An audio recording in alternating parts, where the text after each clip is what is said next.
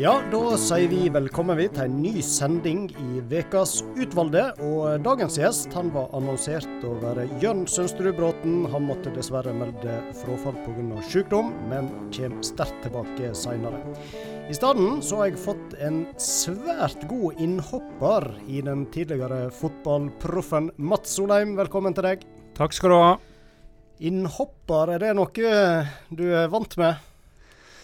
Har vel vært innom det, men uh, ikke så ofte. Og det, I utgangspunktet vil jeg si at innhopper uh, det er veldig kjedelig å være. Men i dag så får jeg være fornøyd med det. Ja, I uh, fotballtilværet så var vel ikke det det kjekkeste. Det forbinder vel ikke innhopp med noen liksom higer altfor mye etter. Men i fjor da setter du en sluttstrek for fotballkarrieren, iallfall på høyt nivå. og du plasserte deg nesten umiddelbart eh, bak en pult i Sparebanken Sogn og Fjordane, så jeg vil starte å høre hvordan har den overgangen vært?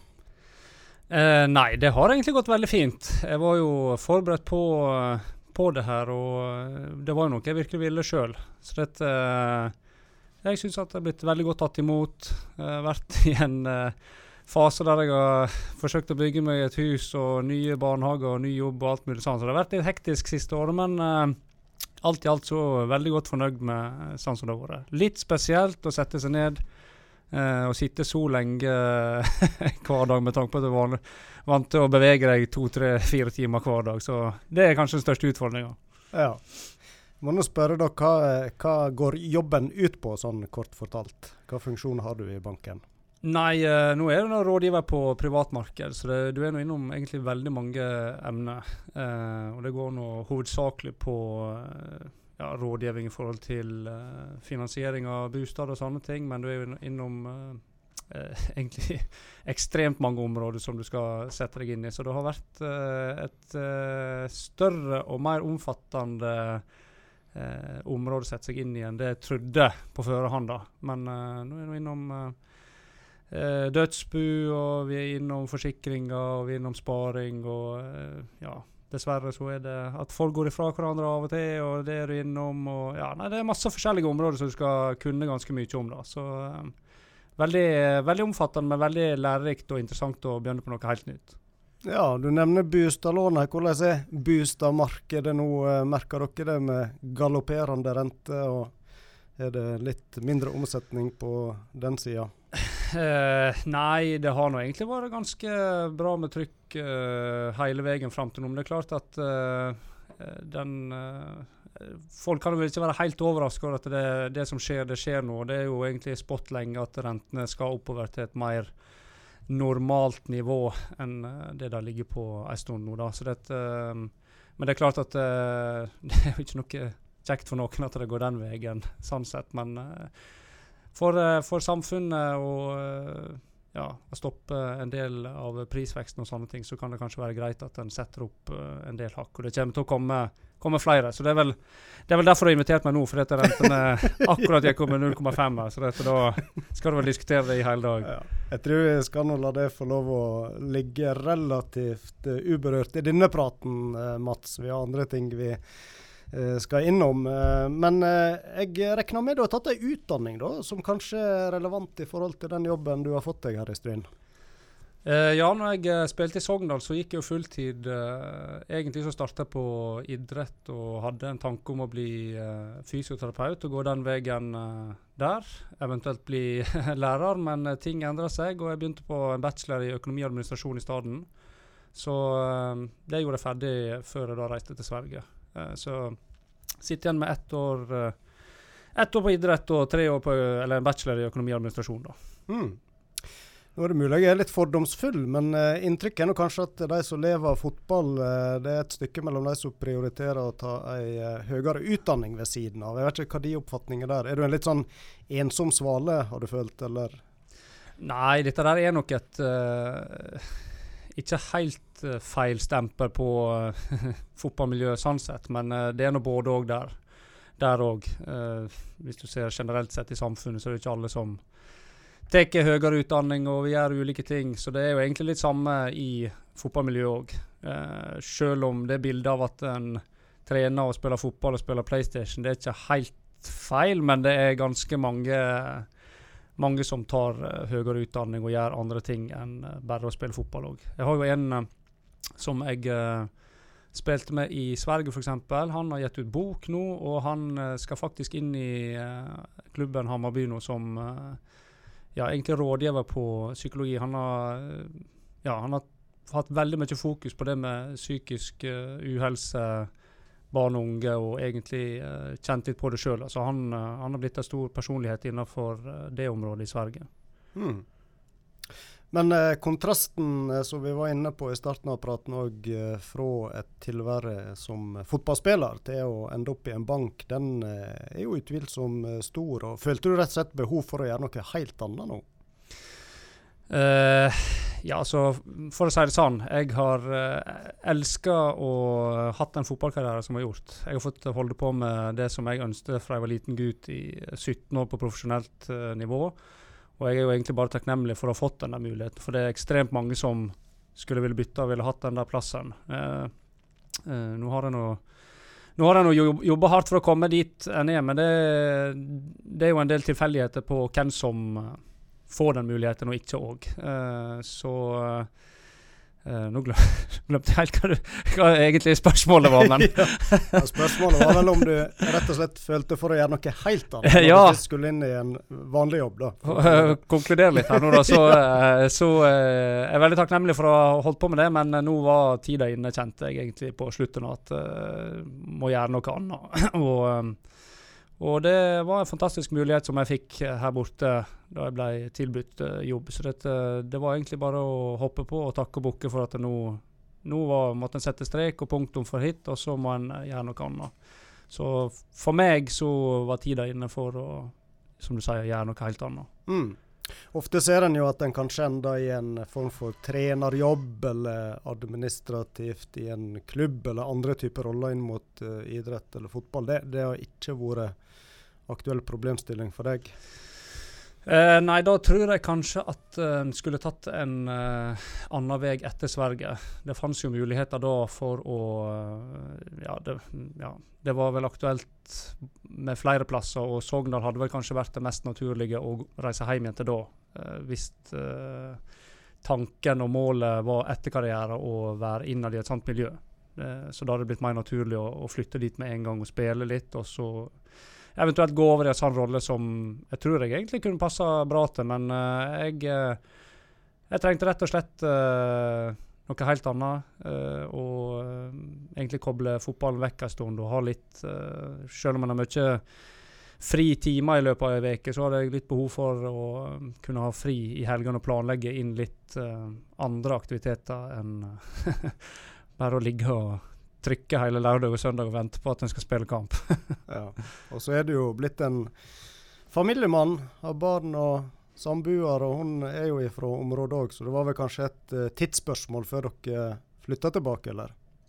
Det var det nok, uh, og tanken har jo som sagt uh, da vært hele veien at vi skulle flytte hjem hit. det, er, det andre alternativet er, som vi da har nevnt, at en da skulle reise til Sogndal og kanskje bosette seg der i stedet. Uh, så det var egentlig de to alternativene det sto mellom. da, For vi hadde, vi hadde en veldig fin, uh, veldig fin tid inne i, i Sogndal òg, og masse gode kompiser som egentlig har bosatt seg der. Uh, det er jo litt samme miljøet og type plass som Stryn, egentlig. Men da ser du at det vegde litt tyngre her. Mm. Så det er vel positivt. ja. Og så har du bygd hus, og du sa. og Hvordan har den prosessen vært? Eh, det eh, har vel vært en relativt eh, ja, lang og tidkrevende prosess for alle som vet, om dette. Det er vel mange flere som har holdt på å bygge hus og pusse opp og styre vesen. Så det tar nå sin tid, og det er masse beslutninger. Men eh, jeg eh, må jo bare takke uh, samboeren min Ina. Hun har vært byggeleier, så dette, uh, jeg har vel vært økonomisk ansvarlig hovedsakelig. For å holde igjen litt. ja, ble det drømmehuset til slutt? Ja da, vi er kjempefornøyde. Og uh, det er vel det som alle, alle som har hus og det finnes vel masse annet å ta tak i ennå. Så jeg er vel ikke helt, helt i mål med alt. Men så langt så er vi veldig fornøyd med, med eh, der vi bor og hus og alt mulig. Mm. Og det er vel kanskje litt eh, distriktets goder i forhold til det du var vant med fra tida i byene som fotballspiller, at en nå kan ha sitt eget, eget hus og hage. Det er vel kanskje ikke Nei, det er klart det er ikke noe menneskerett å få ha hus, men vi som uh, kanskje kommer fra bygden eller litt lenger ute i periferen, vi er vel kanskje uh, hovedsakelig vant til å, å, vokse opp i hus. Så for oss er det jo kanskje naturlig å tenke de barna at en skal ha det. Og vi er jo kjempeheldige og, og lykkelige over at vi har fått muligheten til å kunne bygge hus. Som sagt, det er ikke, det er ikke alle som har muligheten til det. og eh, det er, jo, det er jo enklere her. I byene så tror jeg ikke vi har hatt sjanse til å bygge noe hus. Mm. Og Det var ikke noen dragkamp om hvor huset skulle bygges. Uh, Ina Marie fra Ulvedal ut på nordsida, og du er jo fra Loen. det har vært eh, diskusjoner fram og tilbake om eh, hva som eh, en skulle ende opp i. Det har det vært. Og Ulvedal, som du nevner her, er jo en fantastisk plass, det òg. Det har kanskje ja, nesten hakket finere utsikt der Ina er vokst opp, enn enn uh, det vi har på Rake. Så, men det der er noe veldig fin utsikt der òg, så en skal ikke, skal ikke si noe på det, tror jeg. Mm. Turistene er vel begynt å strømme opp og ned fra fjellsida, regner jeg med? Dere begynner å se til dem?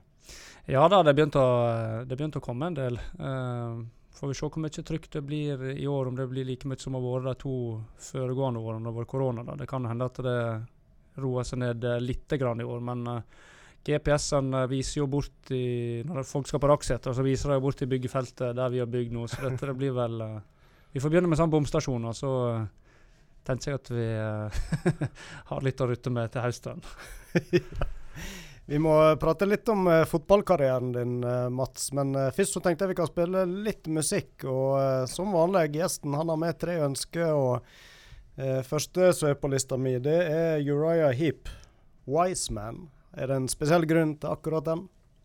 Nei, det er det vel ikke. Jeg, uh, har, jeg hører en del på uh, hva skal jeg si, eldre band. Uriah Heap har ganske mange fine, fine sanger. Så litt tilfeldig. Jeg har hørt ganske masse på han i det siste, så det er vel uh, hovedsakelig grunn til det. Jeg har, jeg har, vel egentlig hørt meg på Lady in Black med Uriah Heap tidligere, men akkurat nå er det denne her. Mm.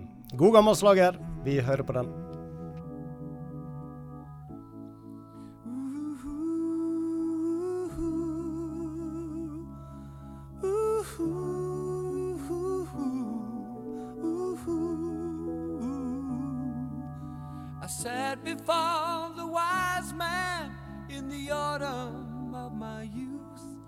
And I told him all the things I had to know.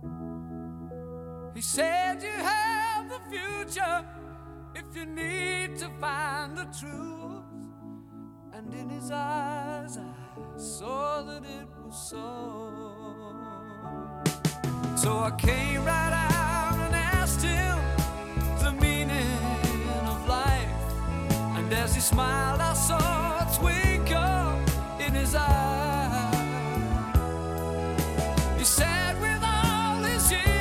still so much he has to learn. And once again, I saw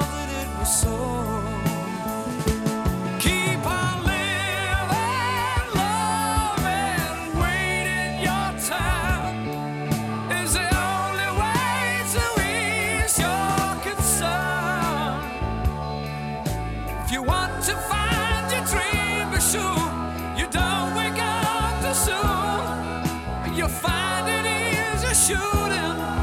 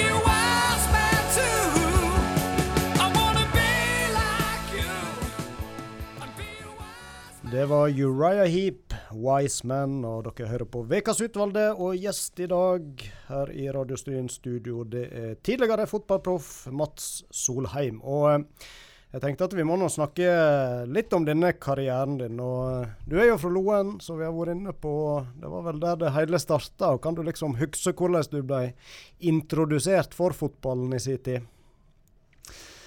Eh, ja, nei, det var vel så enkelt som at jeg ble uh, dratt med på noe eh, fotballtrening da jeg var fem-seks år. Og så er det vel sånn som uh, med de fleste unge at en skjønte ikke helt hva det var det gikk i. Så jeg uh, tok ved ballen med hendene stort sett, og de som var litt eldre, de hissa seg opp.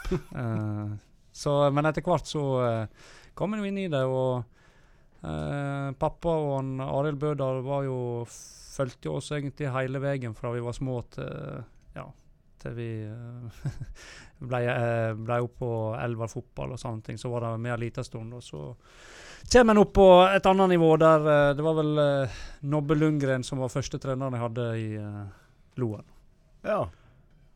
Hva, hva liksom er det fascinerende med fotballen? Hva, hva er det som gjorde at eh, akkurat den idretten ble eh, din idrett?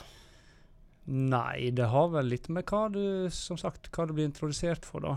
Eh, vi så nå, Jeg husker jo det med tippekampen og at det plinga og sånn på uh, lørdagene. og Ja, nei, jeg veit ikke. Det var, det var jo det som gjaldt, egentlig. Jeg ble introdusert for tidlig.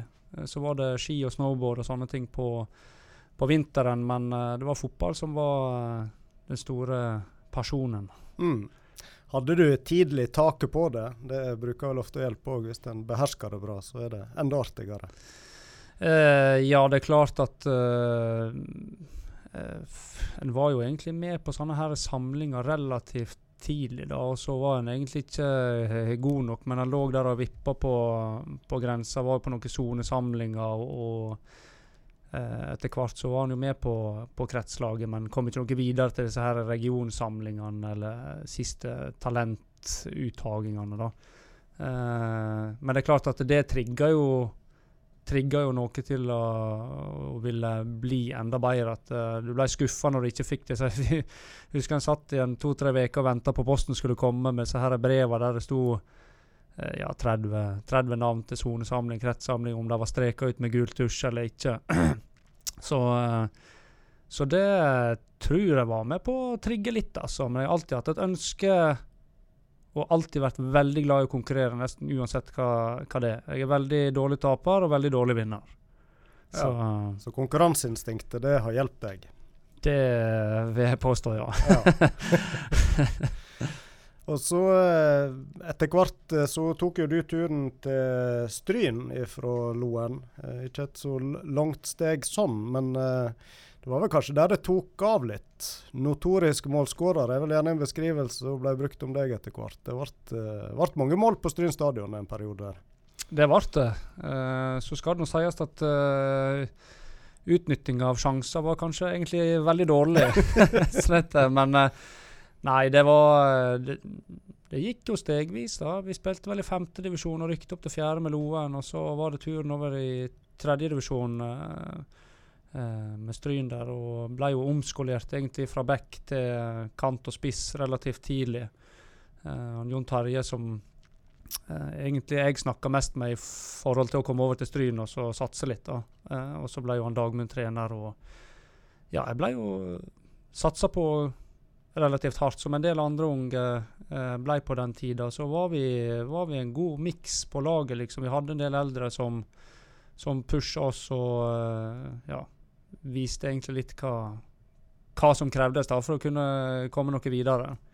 Uh, så Nei, det var, det var veldig, veldig fin tid, og eh, ja, egentlig takknemlig til både spillere i Loen og i Stryn som har hjulpet meg på veien til å kunne få denne muligheten. For det er jo uh, ja, I Stryn så var det hovedsakelig Per Ole og Jon Terje som fora meg med alle baller. Det var bare å stikke bakrom ettersom jeg var rask. Så det var Stor takk til dem.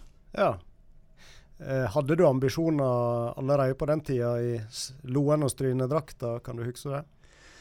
Ja, det hadde jeg vel hele tida. En har jo et ønske når en er liten. Og jeg husker jo at jeg eh, på sløyden eh, hadde jo Tore André Flo og, og sånne ting som man Hva det heter når du Jeg husker ikke hva det heter engang. Vi har sånn der Når du svei navna inn i eh, 3D, skulle jeg ja. si. Lagde forskjellige sånne produkter. Og alt var jo med fotball og navn av eh, fotballspillere som en så opp til. Solskjær og Tor André Flo. og jeg husker Vialli og Sola var vel uh, høyt. Nå er jeg United-fan sjøl nå, så jeg vet ikke hvorfor det var så mye Chelsea-spillere jeg drev og printa inn dette her greiene, men eh, Så det, det har jo vært et ønske hele veien. Og, og jeg husker at han Johan og Jon Terje, som jeg hadde på videregående, de jo- hadde jo en del fokus på dette her om at vi skulle sette opp mål og, og sånne ting. Så det var vel første gangen jeg eh, skrev ned noen sånn konkrete mål da, på videregående. og da skrev jeg vel at målet var å spille på Sogndal. Så eh, når det skjedde òg, så setter en jo på en måte seg eh, nye mål etter hvert når en har vært der en stund og ser at det funker. Så det er jo det du må eh, hele tida prøve å gjøre da, for å, for å bli bedre hele veien. Mm.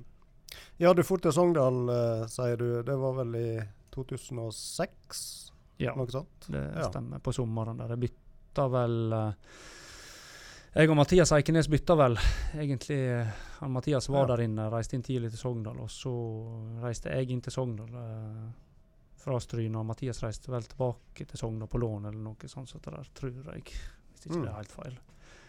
Så da var det vel eh, jeg husker det, jeg husker det året, så var det vel jeg og Mathias det var snakk om å skrive i, jeg vet ikke om det var Firda eller hva det var for noe, eh, som, eh, som skrev at toppskårerduellen står mellom de to som har bytta klubber, eller et eller annet sånt. Sett der.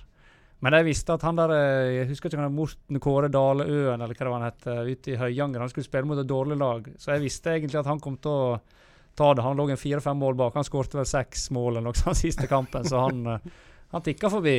Ja. uh, og det òg er jo en sånn ting som jeg kan nevne i forhold til uh, Når vi spilte i tradisjon, så husker jeg for uh, oss og egentlig de kompiser og folk som fulgte med rundt, at dette her med Firda-stjernene og uh, dette her eh, hva skal jeg si, fokuset på Det var litt mer trykk rundt det, på en måte. Det ble kjekkere ved at det var litt sånn fokus. Tre Firda-stjerner, to Firda-stjerner, toppskår og oversikt og statistikker.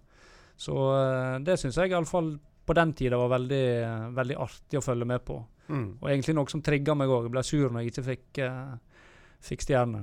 Ja, så dere vektla det litt? Det betydde litt hva som uh, sto på mandag i avisa? Ja, altså eh, Jeg vet at det var veldig mange som fulgte med på dette der, og syntes det var et uh, artig konsept. Um, så eh, han lærte meg- utover i karrieren at det kanskje ikke er så lurt å se på alt mulig som blir skrevet og sagt, så jeg la jo fra meg det etter hvert. Men uh, akkurat da så var det noe som uh, var veldig kjekt, og som trigga egentlig. Mm. Men eh, Sogndal, det var jo et par divisjoner opp. Eh, hvordan eh, opplevde du den overgangen?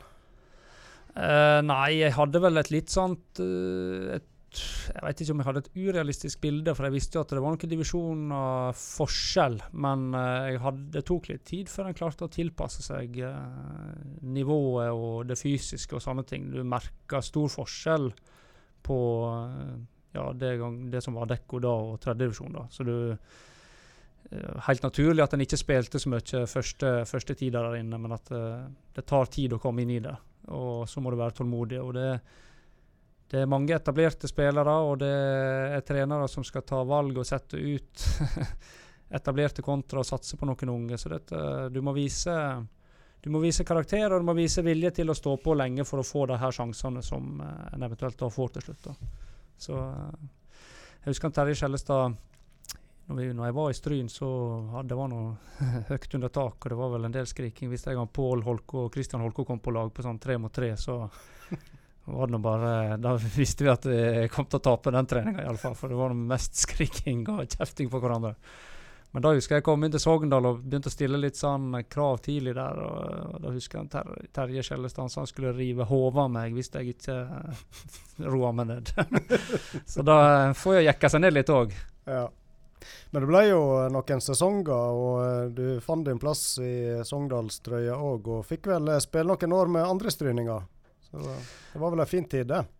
Det var en fantastisk tid, og eh, Sogndal som sagt står jo veldig høyt, uh, høyt for meg. Den tida der inne, den var fantastisk. Vi var, vi var en god gjeng der med meg og han eh, Per Egil, eh, han Even Hovland, Ulrik Flo, Henrik Furubotn og en Erlend Kvalheim òg, som eh, var der inne i to perioder, men kanskje ikke så Har vel ikke så mange kamper for Sogndal sånn sett. Men vi var vi var en veldig fin gjeng der inne og fant på mye i lag. Og det var ja, kanskje den, egentlig den aller kjekkeste tida. Eh, på, på en litt annen måte, hvis du ser vekk fra det bare det fotballmessige. da. For det er klart at den tida i Hamarby var jo kanskje topp aller eh, Det som var det aller kjekkeste da i løpet av min fotballkarriere fotballmessig. Men totalt sett så tror jeg at vi hadde det fantastisk uh, i Sogndal med alt. Mm. Og så tok du steg uh, utom landegrensen, ikke så veldig langt, uh, rett nok. Det var til Sverige, og først til Kalmar noen sesonger, og så ble det Hammarby. Og Mm. det er nå kanskje særlig de siste sesongene du hadde i Hammarby som eh, virkelig har utmerka seg, iallfall for oss som har fulgt med litt fra uh, sidelinja. Men kan du huske hva gjorde at du forlot Sogndal i sin tid og reiste over til Sverige? Eh, nei, det var vel egentlig Sogndal var jo veldig interessert i at den skulle bli der inne, da, men eh, samtidig så hadde den på en måte vært der inne i fem og et halvt år. Eh, og eh, jeg var jo en del forhandlinger der òg, og de sier at ja, men klart at hvis det kommer noen seinere, så slipper vi det og sånn, men jeg veit jo litt hvordan eh, det kan være òg, at en må ta det steget når det er mulig. Da hadde det gått veldig bra. Eh, var egentlig litt sånn halvveis aktuell for eh, ja, sånn januarturnering med landslag og sånne ting. Og da kontrakta mi gikk ut og begynte å tikke inn litt uh, tilbud her og der, og da må en nesten bare hoppe på når ja, muligheten er der. Uh, det kan godt hende at det hadde blitt eh, noe annet hvis den hadde blitt der inne. At den hadde, hadde blitt enda bedre, at du utvikla deg enda mer. Men eh, jeg er veldig glad for at jeg tok det valget å ta steg og prøve noe nytt. og ja, så en ikke kanskje gror fast i det samme for lenge, da. Eh, selv om jeg trivdes, som sagt, veldig, veldig godt der inne. Mm. Hvordan eh, svensk fotball da, sammenlignet med norsk? Nei, det har han sagt tidligere òg, at eh, det er jo sånn Nivåmessig så er det noe sikkert uh, veldig likt, men uh, tempoet i Norge er nok hakket høyere. Eh, det er litt mer tut og kjør i Norge, og kanskje litt mer spillende i, eh, i Sverige. Det er selvfølgelig på generelt grunnlag. Det er jo en del som Bodø-Glimt spiller relativt bra siste året, så det er, ikke, det ikke sånn sett. Men eh, norsk fotball ligner nok litt mer på engelsk, og så svensk ligner litt mer på nederlandsk eller den type. da. Uh, litt mer uh, ligge organisert i rammen og lar det andre laget spille litt mer, enn at det blir press og skal fram og legge inn og kjøre på fram og tilbake hele tida. Så det, det er litt ulikt, men nivået er nok sikkert samme. Mm. Og det passet deg bra, den uh, spillestilen? Uh, En skulle jo tro at norsk fotball egentlig passer meg bedre med tut og kjør og springing, uh, men jeg følte at jeg tok steg egentlig fra første stund i Sverige. og utvikla meg veldig mye som spiller i løpet av de åra som jeg var der. Så, så når jeg reiste derfra, så følte jeg egentlig at For å si det sånn, da, med de første treningene var tilbake i Norge med Stabæk, så hadde jeg, fikk jeg temposjokk. så det Da hadde jeg tilpassa meg den svenske fotballen uh, igjen. Mm. Eh, åra i Hammarby, fire sesonger, var det det ble? Jeg var der fem, tror jeg. Fem sesonger. Ja. Eh, ja. Og spilte deg uh, mer eller mindre fast og fikk ei høy stjerne. og Er det dine beste år som fotballspiller? Ja, det er det vel. Eh, når jeg kom dit, så var jo Hammarby en nyopprykka klubb, og det var vel kanskje det som gjorde, gjorde at jeg fikk en inngang til å få muligheten å spille der. da. De har jo fantastisk supporterkultur, som jeg har sagt tidligere, og jeg er sikkert ikke vits å nevne det igjen, men det var jo egentlig hovedgrunnen til at jeg eh, gikk dit. Da hadde jeg tilbud fra klubber i Danmark òg som var betraktelig bedre tilbud. eh, rent økonomisk. Men jeg hadde egentlig bestemt meg for at jeg heller vil spille der med, med den supporterkulturen og det trykket som er rundt eh, klubben. Eh, og det angrer jeg ikke på i dag. Så de første åra så var det jo litt eh, Ja, det var nå egentlig å kjempe om å ikke rykke ned. Og så tok en jo steg hele veien, og nå er jo Hammarby eh, der det bør være, med tanke på størrelse og supporterkultur og ligge i Stockholm og stadion og alt mulig. Så, så eh, klart eh, høydepunkt i karrieren. Mm. Og du fikk vel litt ulike eh, rolle på banen der òg? Prøvde litt forskjellige posisjoner. Ja, jeg, eh, Hammarby spilte jeg på seks ulike posisjoner. Jeg har vel uh, vært innom alle posisjoner på seniornivå. Uh, Keeper òg. ja. Ti minutter borte mot Ørebro. Slapp inn et mål. Dårligste snitt i allsvenskan, tror jeg, for keeper. Jeg veit ikke. Var straffe, da. Ja. Så eh, Nei, så det, det, det tror jeg òg at de etter hvert eh, så nytten av. da, At det kunne egentlig bli brukt på de fleste posisjoner. Så det er klart at det er jo en ressurs i seg sjøl. Så etter hvert, når de nå satser for fullt, så henter de jo inn tunge navn og eh, mye unge talent. Så dette det har jo endra litt sånn politikken i eh, hvordan de legger opp lag, og hva som er tanken rundt laget. Da de skal vinne og komme høyt oppe, men samtidig så ligger det nok mye økonomi og, og som sagt politikk bak uh, elveren som skal spille. Så jeg tror nok at eh, det siste tilbudet jeg fikk på en kontrakt på to-tre år til, så hadde man nok vært mer enn uh, Hva skal jeg si gallionsfigur ut mot, supporterne samt eh, en backup, eh, eventuelt starte her og der for å avlaste og sånne ting. Så jeg tror nok man hadde blitt feida mer og mer ut basert på som sagt, politikk og økonomi enn eh, enn kanskje prestasjoner, som eh, en fint sikkert kunne klart å ja, være på nivå enda noen år til der borte. Mm. Vi har jo sett video av uh, avskjedskampen din, og hvordan supporterne, en vegg av supportere roper navnet ditt og takker for uh, innsatsen etter disse uh, sesongene. Hvordan var det å stå og ta imot det? Nei, det er klart at før denne siste kampen så var det jo ikke noen som egentlig visste det. Jeg hadde jo opsjon på ett år til. Og jeg sa jo opp den opsjonen. Uh, da ringte sportssjefen meg og spurte hva faen er det du skal hen, sa han. Som at uh, hva, er det, hva er det slags alternativ jeg har som er bedre enn dette her? Men uh, det gikk jo på at som sagt, timingen var der for både meg og familien å, ta steget videre. Og jeg var ikke noe interessert i heller å sitte der borte. og Jeg har aldri vært en sånn som bare kan flyte med det, og så sitte der. Og nå var dette her sammensatt, og vi hadde jo som sagt bestemt oss uh, som familie å flytte tilbake til Norge uansett. Men det var sammensatt, hele greia. Men uh, den siste der når ja, jeg var jo så heldig å komme inn den siste kampen. og Nå ble ikke det gull, men hadde det vært det, så tror jeg jeg hadde bare lagt opp med en gang. Men jeg uh, skåret jo siste målet der på stadion i min siste kamp, og siste målet for sesongen i Allsvenskan. Så den her videoen, eller det her ropet som kom etter kampen, det ble veldig emosjonelt. altså. Jeg hadde ikke helt sett for meg at det skulle Ja, det ble veldig, veldig rørende. og Kanskje det gikk litt opp for meg at uh, noe sånt som dette her blir ikke det mer.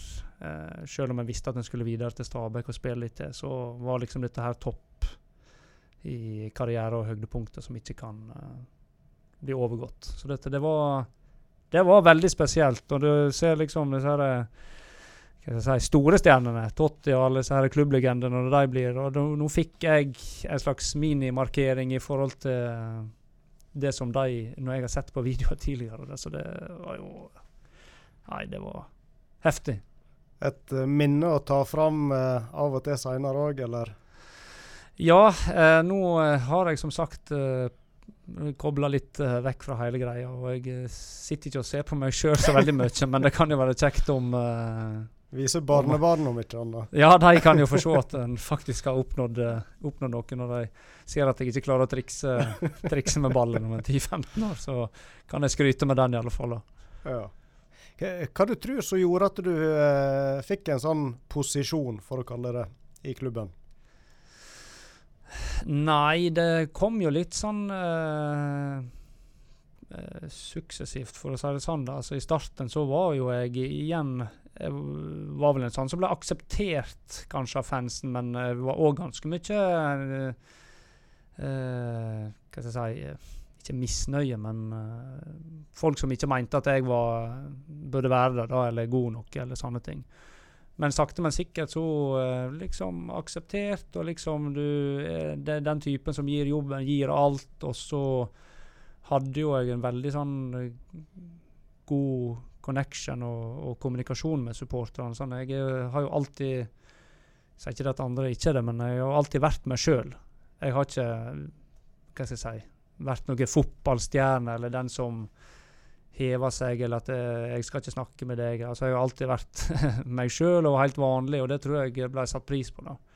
Eh, samt at eh, var lenge eh, var tro mot klubben uansett om jeg satt på benken. Det var lite negativt. Og, så jeg tror at det ble en sånn greie, i tillegg til at jeg starta denne tullekontoen med Instagram og fikk på en måte eh, vist ganske mange andre bilder fra klubbens side og min egen side. da. Eh, hvem vi egentlig er, kontra å legge ut et bilde av takk for støtte og tre poeng og sånne ting. Så ja. Mm. Vi eh, skal holde fram eh, praten, vi, Mats, men vi må spille litt mer musikk. Og da skal vi over på ei anna gruppe som er noen år siden de var veldig aktive, iallfall. Jeg vet ikke om de spiller musikk lenger. Banana Airlines. Det er et artig valg, kan vi si det. Ja, første gang jeg hørte sangen i dag, men det måtte jo være litt sånn bankrelatert. Ja, hva var eh, lån med en hundrelapp, var det ja? er det en hundrelapp, skal alle få det innvilga. Da eh, hører vi på Banana Airlines. Tut og kjør. Jeg er fri for trygg, men hjertelig tørst. Nå spør jeg dere først. Det her er mitt refreng. Kan jeg få låne litt penger? Lån meg, lån meg, lån meg en hundrelapp. Vi er både tørst og blakk. Lån meg en hundrelapp. Det er ikke godt å være blakk. Lån meg en hundrelapp. Jeg bukker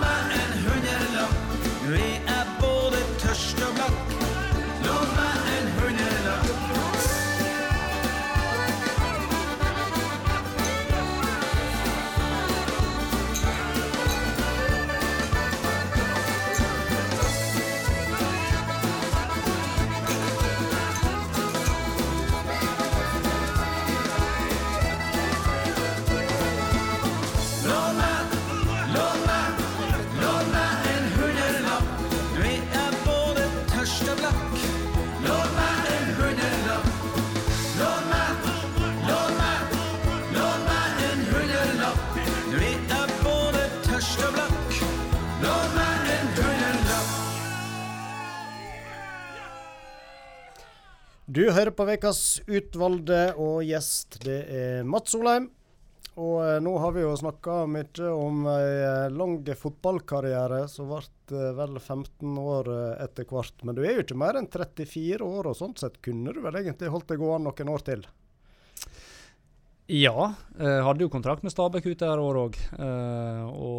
men kroppen var begynt å si stopp, og knærne mine ikke ikke som det var. men det er, vel, det er vel sånn det skal være, jeg veit ikke. Ja, føler du det skal, skal, Er det mange vondter, eller er det Jeg slutta jo eh, litt i håp om at jeg kanskje skulle eh, ikke ha så vondt, men uh, ironisk nok så har jeg nå ikke vondt i det kneet jeg hadde vondt i når jeg spilte, men hit-kneet. så det er jo litt uh, toppen av det hele. Ja.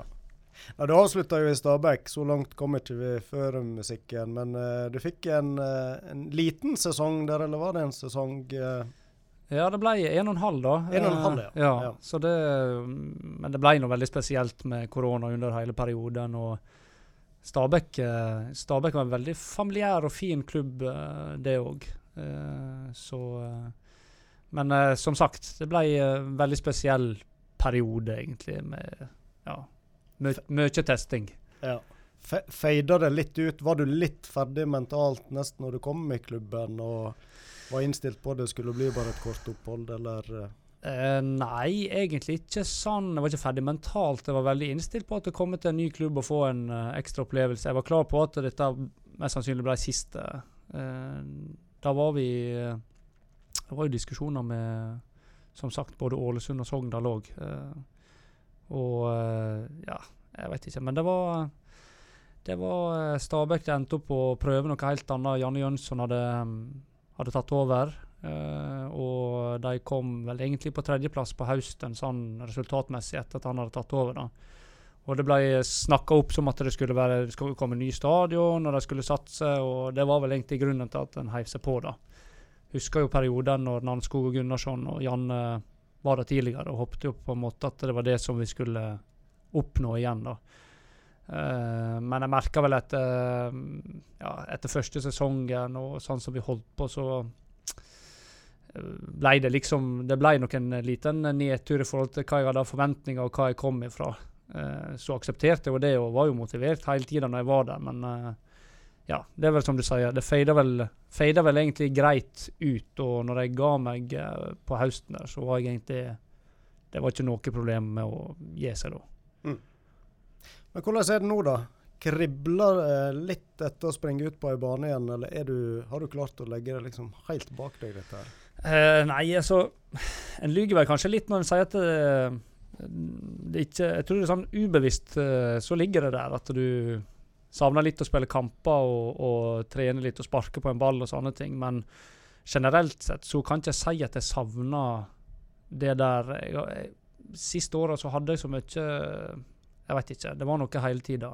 Den dagen jeg ikke har ilt en plass, kan du sende meg på sykehus, for da er det noe alvorlig gale. Men eh, Så det, så det heter eh, Nei, jeg savner ikke å trene. Kanskje litt å spille kamp. Og så savner jeg miljøet og eh, på en måte eh, fru, fru, frokost og lunsj. Få servert det? så eh, Nei da. eh, Som sagt, miljø og det der rundt, og så kamper, egentlig. Ikke alt mulig av analyse og kjefting og smelling og presse seg hele tida. Det, det savner ikke jeg. Mm. Hvordan er kulturen i fotballen? Nå har jo du et begrensa innblikk i klubbene, selvfølgelig. Men eh, er det en sånn her en kjefte- og pressementalitet, eller er det like mye og lystbetont å liksom motivere på den måten?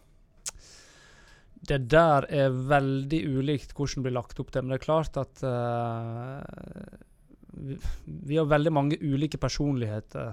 Veldig mange ulike kulturer. Og du har veldig mange ulike trenere med filosofier og måter å styre på. Det er sikkert generelt sett i, i vanlige jobber og samfunnet ellers òg, sånn sett. Eh, men eh, det er klart at det blir jo Det er på en måte mm, akseptert på en måte at det skal være litt tøft, da. Og det som jeg eh, har sagt egentlig overalt som jeg har blitt intervjua, at det fysiske Du er fysisk sliten etter en sesong, men mentalt er du egentlig Det er det som er det verste. Du er så utpumpa på en måte, på mentalt på på hver eneste trening hele tida for å ikke miste plassen. Eh, må ta imot ganske mye eh, drit, på en måte. Jeg vet ikke om jeg vet ikke om han eh, Odd Kjetil hadde kunnet skrike like mye inn i øret på meg som visse trenere har, har gjort. Og sitte, sku, på stol og bare få og bare svelge unna. Det, det vet ikke hvordan det funker i arbeidslivet, da, for å si det sånn. Så det er jo en helt, et helt spesielt miljø sånn sett. Mm. Det er det. Men er det noe fra fotballen du tenker du kan ta med deg inn i en mer vanlig jobb? Er det noen overføringsverdier? Ja, det er jo eh, Det er det jo selvfølgelig. Eh, som sagt, du lærer jo veldig masse, og du veldig, kommer veldig fort på plass. Jeg vet at når vi var unge og kom til Sogndal, og det kan jo kanskje Gustav Walsvik òg skrive under på Han var jo to meter lang, eh, like stor når han kom inn fra Vik når han var 15-16 år. Og eh, du på en måte Du blir veldig fort voksen da, og du lærer deg å samarbeide. Du lærer deg å, å konkurrere og forholde deg til andre og respektere regler og, og forskjellige ting. Så det, det er mye du kan dra med deg, og du får jo oppleve ekstremt mye av kulturer og folk og egentlig markedsavdeling, sponsorer. Du tar jo del i et helt apparat, egentlig. Eh, så du er innom veldig mange områder og lærer deg mye. eh, bare ved å være med på eh, prosjekt som klubbene legger opp til. Da. Eh, ja. Så det, det Ja. Totalpakke. det du sier, det er et raust miljø? Fotballmiljø? Ja, det vil jeg jo påstå. Eh, og det er jo på en måte de plassene som jeg sier til, der du klarer å skape best gruppedynamikk. Eh, det er der du oppnår de beste resultatene òg. Hvis du klarer å skape trivsel på samme tid som du kan ha det ganske hardt og stille krav, det er da vi har eh, prestert best i eh, de plassene jeg har vært, i gruppene. Så eh, hvis du får litt sånn surna miljø og, og det blir spli- splittelser i gruppa, det er kanskje den største faren for å ikke oppnå resultat uh, i fotball, egentlig, spør du meg. Og det er nok sikkert uh, generelt sett òg at uh, en må dra i samme retning og respektere hverandre. Og så må det være høgde for å kunne si ifra på, på visse ting, da. Mm. Det, det er det. Én ting er jo å, bli, å slippe unna alle disse vondtene du var inne på, men eh, hvordan er det å plutselig ikke skulle forholde seg til et publikum, feedback, eh, noen som er veldig engasjert i akkurat det du driver med? Har du opplevd at eh, det er en overgang?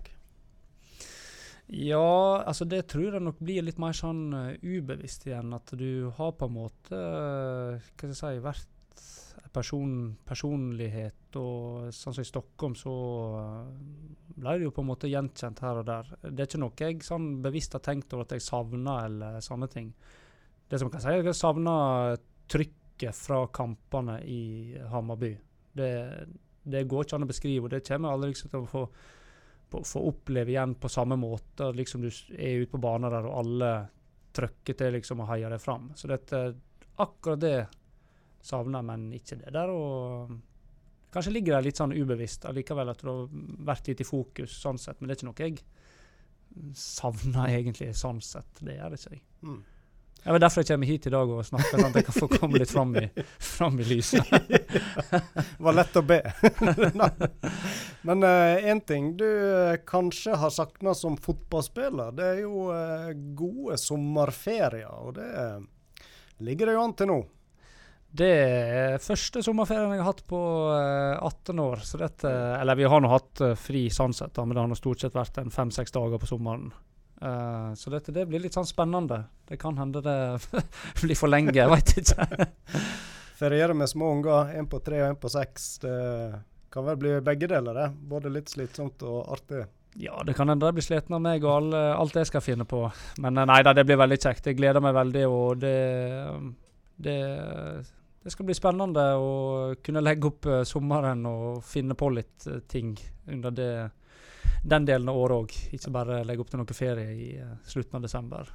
Ja, Har du store planer for uh, ferieveken, eller tar du litt så det kommer? Nei, nå eh, er vi på en måte delt opp litt da, for å få i hop eh, puslespillet. Men eh, første tida så skal jeg være alene med dem, så nå var det snakk om at vi skulle reise til Diskusjonen var at jeg skulle være med ei uke til Peloponnes eh, med, med farmor og farfar, da, men uh, uh, det var passa godt ut, så det gikk ikke. Så dette nå eh, reiser vi rett og slett til eh, Ålesund noen dager. Uh, og besøker en god kompis av meg, som òg har unger på samme alder som spiller på Ålesund nå.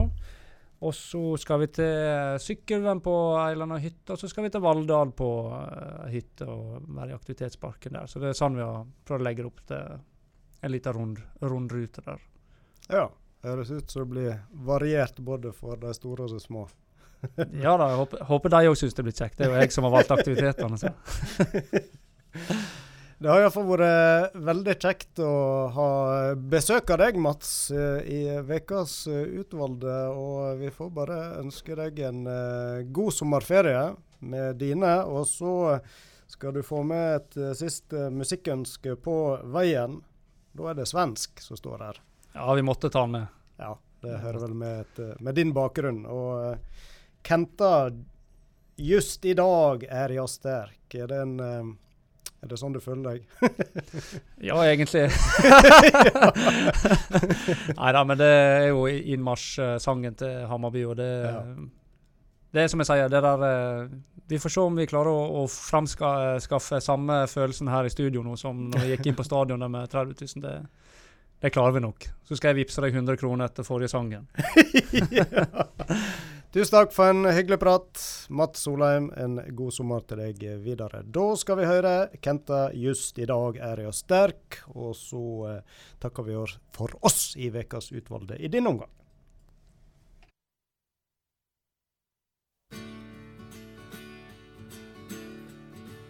Just idag är jag stark, just idag mår jag bra Jag förs framåt av kraftiga vindar Just idag är jag stark, just idag mår jag bra. Jag har tron på mig själv på min sida. Jag har väntat så länge på just den här dagen Och det är skönt att den äntligen kommer. Väntat så länge på just den här dagen Den ger lust när den kommer måsarnas flykt Jag ser solglittrets dans Jag ser framåt mot härliga tider. Jag ser kvinnornas del Jag ser ögonens glans. Jag har tro på mig själv på min sida. Jag har väntat så länge på just denna dag. Det är skönt att den äntligen kommer Väntat så länge på just den här dagen. Den ger lust när den kommer. Jag hör skrattande barn. Jag hör slussarnas brus. Jag hör telefon som kan leva. Jag hör inre musik, jag hör vindarnas sus. Jag har tro på mig själv, på min sida. Jag har väntat så länge på just den här dagen Och det är skönt att den äntligen kommer. Väntat så länge på just den här dagen Den ger lust när den kommer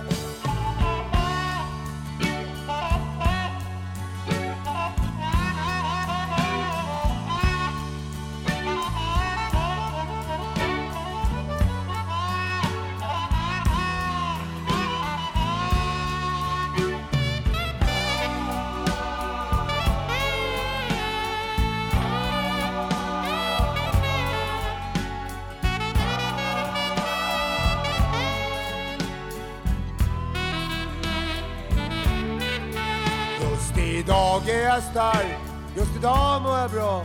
Jag förs framåt av kraftiga vindar. Just idag är jag stark, just idag mår jag bra. Jag har tro på mig själv, på min sida. Jag har väntat så länge på just denna dag.